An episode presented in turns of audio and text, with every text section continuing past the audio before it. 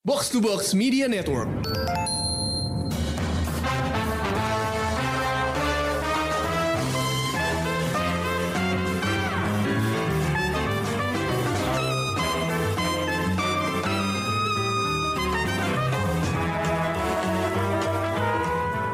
Halo halo teman-teman pendengar Showbox, ketemu lagi di Anglo Review bareng gua Krisna. Jadi ceritanya anak-anak di Showbox nih lagi pada rusuh urusan kerjaan sama cuti bersama.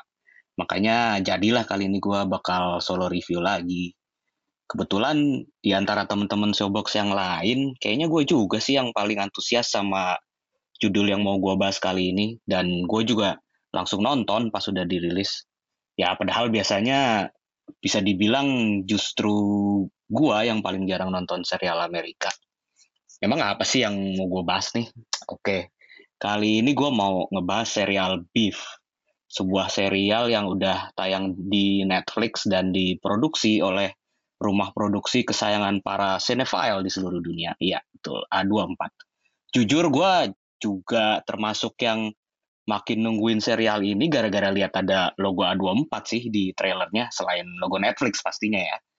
Tapi inget ya, beef di sini tuh artinya bukan daging ya, tapi beef dari bahasa slang Inggris yang artinya kurang lebih itu pertengkaran atau sikap agresif pada seseorang. Jadi ini bukan cerita tentang chef perfeksionis atau snob gitu ya, itu sih lihat di The Menu atau Hunger aja kali ya. Serial ini dibikin sama Lee Sung Jin, seorang penulis naskah kelahiran Seoul, Korea Selatan. Dia juga di sini turut berperan sebagai showrunner dan ikut nyutradarain juga di episode finalenya. Nah, terus di daftar dua pemeran utamanya ada Stephen Yoon yang juga jadi eksekutif produser di proyek ini. Terus ada juga komedian Ali Wong tapi uniknya nih, sebelum pilihannya jatuh ke Wong, katanya sih si Lee Sung Jin dan Stephen Yun itu sempat apa ya kayak mempertimbangkan Stanley Tucci justru sebagai lawan Yun. Agak ya lumayan menarik juga sih sebenarnya pilihannya. Tapi ya setelah gue nonton film eh serialnya eh, kayaknya emang Wong pilihan yang lebih pas sih dibanding Stanley Tucci. Terus dalam apa ya dalam sebuah wawancara sebelum serial ini dirilis, gue juga pernah baca kalau si Sung Jin ini nulis Beef berdasarkan pengalaman pribadinya waktu di jalan. Tapi ya kayaknya cuman sampai kelaksonan kelakson kelaksonannya aja kali ya. Baru baru dari situ dia ngebayangin apa nih yang bisa terjadi setelah emosi sesaat klakson klaksonan itulah gitu. Sesuatu yang kayaknya kita juga mungkin suka ada di kepala kita juga kali ya kalau misalnya di jalan ketemu mobil atau motor lain yang nyebelin gitu kan. Nah, oke, okay, baiklah. Berarti karena udah tadi gue udah sedikit ngasih petunjuk, berarti saatnya sekarang kita masuk ke cerita Beef ini sendiri. Ceritanya sendiri dimulai saat Denny Cho, pekerja dan apa ya kayak pemilik perusahaan kontraktor yang lumayan struggling keturunan Korea. Nah, ini yang diperanin sama si Stephen Yoon. Nah, terus dia itu kayak terlibat insiden di sebuah parkiran sama Amy Lau. Ini karakter kayak pemilik toko tanaman gitu. Dia keturunan Cina Vietnam yang diperanin sama Ali Wong gitu. Mobil ke jadi dua-duanya tuh mobilnya kayak hampir tabrakan di pas si apa Denny ini mau keluar dari parkiran terus kayak berujung saling klakson dan kejar-kejaran saling memaki kayak gitu-gitulah gitu. Emang kejadian ini sih nggak berujung pada kejadian fatal gitu ya tapi ternyata emosi dan dendam si Denny ini nggak nggak berhenti sampai di situ gitu meski akhirnya keduanya udah pisah jalan udah balik ke tujuan masing-masing tapi si Denny ini kayak masih kesel banget gitu nah terus habis itu makanya habis itu si Denny tuh kayak berusaha nyari alamat si Emmy gitu dari nomor plat mobilnya dan ternyata dia berhasil dapat gitu jadi ya udah tuh disamperin aja tuh rumah si Emmy sama si Denny dan dan dia kemudian melakukan hal yang sangat ekstrim di rumah Emmy yaitu iya dia ngencingin rumahnya Emmy. Nah dari situlah akhirnya aksi apa ya kayak saling sabotase gitu di antara mereka berdua tuh resmi dimulai gitu. Ini mungkin kayak apa ya kalau gue ngelihatnya kayak sebuah pertemuan uh, yang tidak disengaja yang bisa dibilang kayak semacam anti teori dari cerita-cerita drama romantis ya. Ya biasanya kan kalau di drama romantis pertemuan kayak gini tuh berujung pada kisah-kisah manis gitu kan. Nah, kalau di sini justru pertemuan itu justru bikin apa ya kayak hidupnya si Denny dan Amy yang sebenarnya udah ribet gitu malah jadi makin kacau gitu. Denny tuh di sini digambarin kayak dia lagi apa ya kayak sangat kesusahan secara ekonomi gitu. Bahkan bisa dibilang udah bangkrut kali ya karena usahanya tuh bener-bener nggak berjalan gitu. Sementara orang tuanya pun makin parah nih ya. Jadi kayak situasinya makin parah karena orang tuanya pun baru kehilangan bisnis losmennya gitulah gitu. Karena ada sebuah aktivitas ilegal di dalamnya gitu. Terus Dani juga di sini gambarin lumayan frustrasi ngadepin adiknya yang bernama Paul yang diperanin sama Yong Mazino yang kayak apa ya si Paul ini kayak lagi semacam krisis jati diri dan lebih sibuk main game dan investasi kripto gitulah gitu. Terus ditunjukin juga kalau Dani tuh sebenarnya sangat berambisi buat bisa beliin orang tuanya tuh rumah gitu biar biar mereka bisa balik tinggal di Amerika lagi lah kayak gitu gitu. Nah akumulasi ini semua lah yang bikin si Danny tuh di sini tunjukin makin makin stres lah dengan hidupnya gitu. Sementara di sisi lain ada si Emmy, si Emmy ini juga apa ya dia kelihatan sangat kelelahan gitu harus juggling antara mengelola bisnisnya dan kehidupan rumah tangganya sama suaminya si George yang diperanin Joseph Lee dan anaknya Jun yang ya bisa dibilang nggak terlalu harmonis lah gitu. Terus ini masih ditam apa ya ditambahin lagi sama hubungannya si Emi sama ibu mertuanya Fumi itu yang diperanin sama Pati Yasutake itu nggak akur karena si Fumi ini demen banget kayak pokoknya setiap si Emmy ngapain aja itu pasti kayak dijudge dan nggak ada bener ya gitu. Nah ini juga yang di, dari sisi Emmy ini yang bikin dia juga sangat stres gitu dengan hidupnya. Nih. Oke, nah setelah itu menurut gua sih hal terbaik dari serial ini tuh ada emang di naskahnya gitu.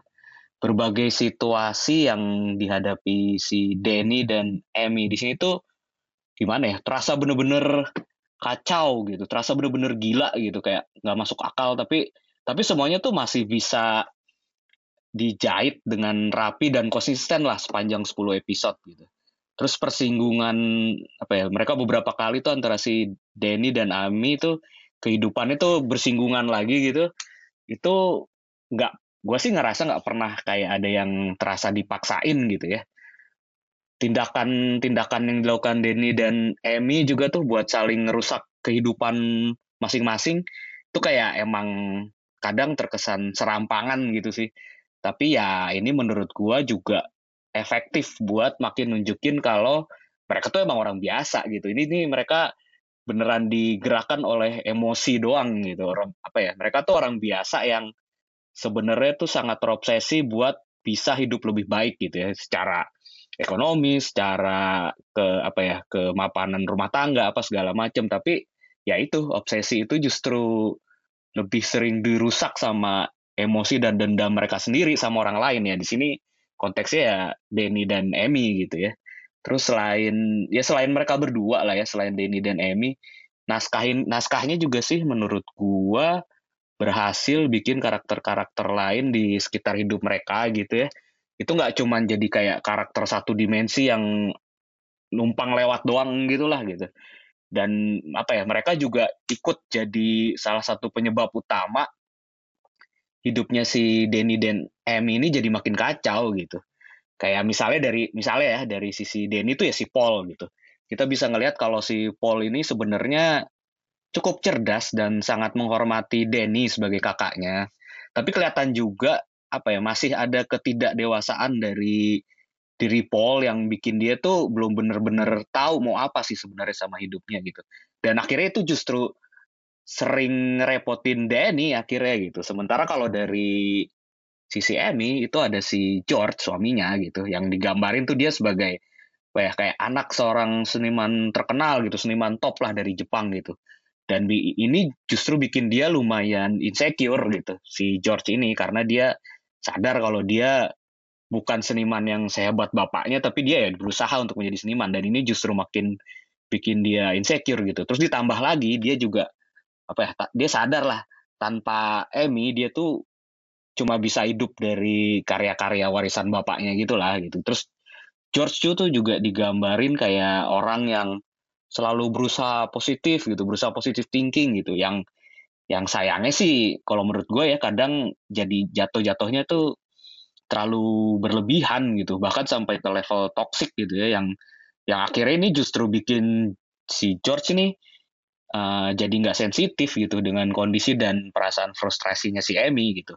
Ini juga yang akhirnya ya jadi apa ya masalah tersendiri gitulah dalam dalam pernikahan mereka gitu. Dan ya gitulah kurang lebih. Dan ya sebagai cerita yang bergeraknya di sekitar perseteruan Denny dan Emmy ya jelas lah kita juga harus ngebahas penampilan si Stephen Yun dan Ali Wong sebagai bahan ut bakar utama serial inilah bisa dibilang kayak gitu ya. Gue sih ngerasa apa ya chemistry mereka sebagai orang yang saling benci ini di sini cukup powerful lah. Gue bisa ngerasain banget kalau kebencian mereka tuh satu sama lain tuh bener-bener dari hati banget gitu. Bener-bener sebenci itu gitu mereka berdua gitu. Tapi ya emang sih harus gua akuin kalau menurut gua si Steven Yeun nih masih apa ya masih lebih mulus lah dalam mainin karakternya gitu kayak gua bisa ngerasain rasa putus asa dia, rasa stres dia, kemarahan dia gitu gara-gara berbagai kegagalan usahanya lah untuk jadi lebih mapan itu.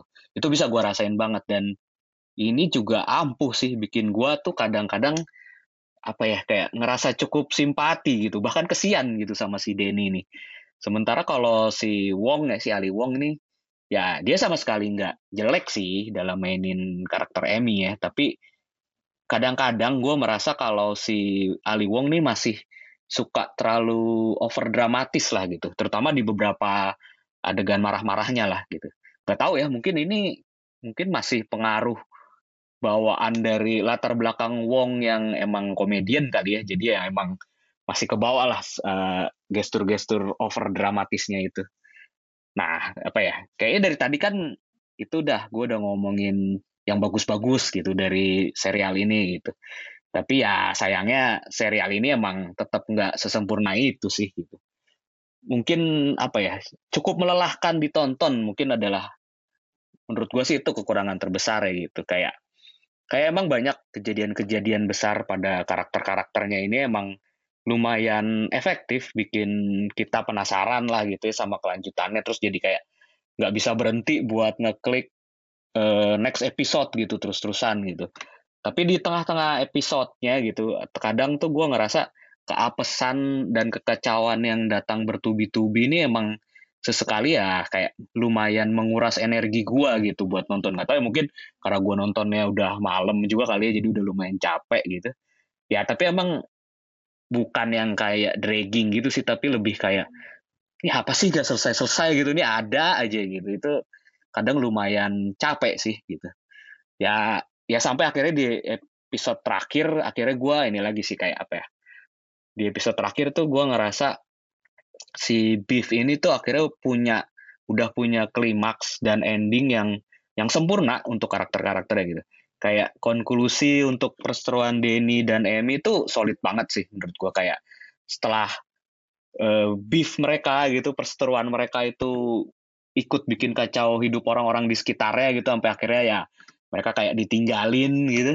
Akhirnya mereka sadar kalau ujung-ujungnya jadinya mereka justru tinggal punya satu sama lain dan Beef itu udah pertarungan itu tuh juga udah ikut apa ya bikin hidup mereka yang tadinya lumayan stres dan depresif tuh jadi lebih hidup justru gitu ya. Ya semoga sih Beef nih cukup berhenti di satu season ini aja ya kalau gua sih walaupun ya katanya sebenarnya sih si Lee Seung Jin nih udah nyiapin Beef nih sejak awal tuh udah untuk jadi tiga season sebenarnya gitu. Terus ya apalagi kalau putusannya udah lebih ke arah bisnis ya ya. Karena kayaknya beef ini kan lumayan banyak ya ditonton. Terus kayak reviewnya juga mostly positif gitu kan. Dari kritikus-kritikus di Amerika juga gitu kan. Jadi ya kemungkinannya makin gede lagi sih emang buat adanya season lanjutan gitu ya. Gue sebagai penonton sih apa ya cuman takut ceritanya jadi makin bertele-tele aja gitu. Kayak kayak mau diapain lagi gitu sebenarnya. Kayak udah udah selesai untuk semuanya gitu.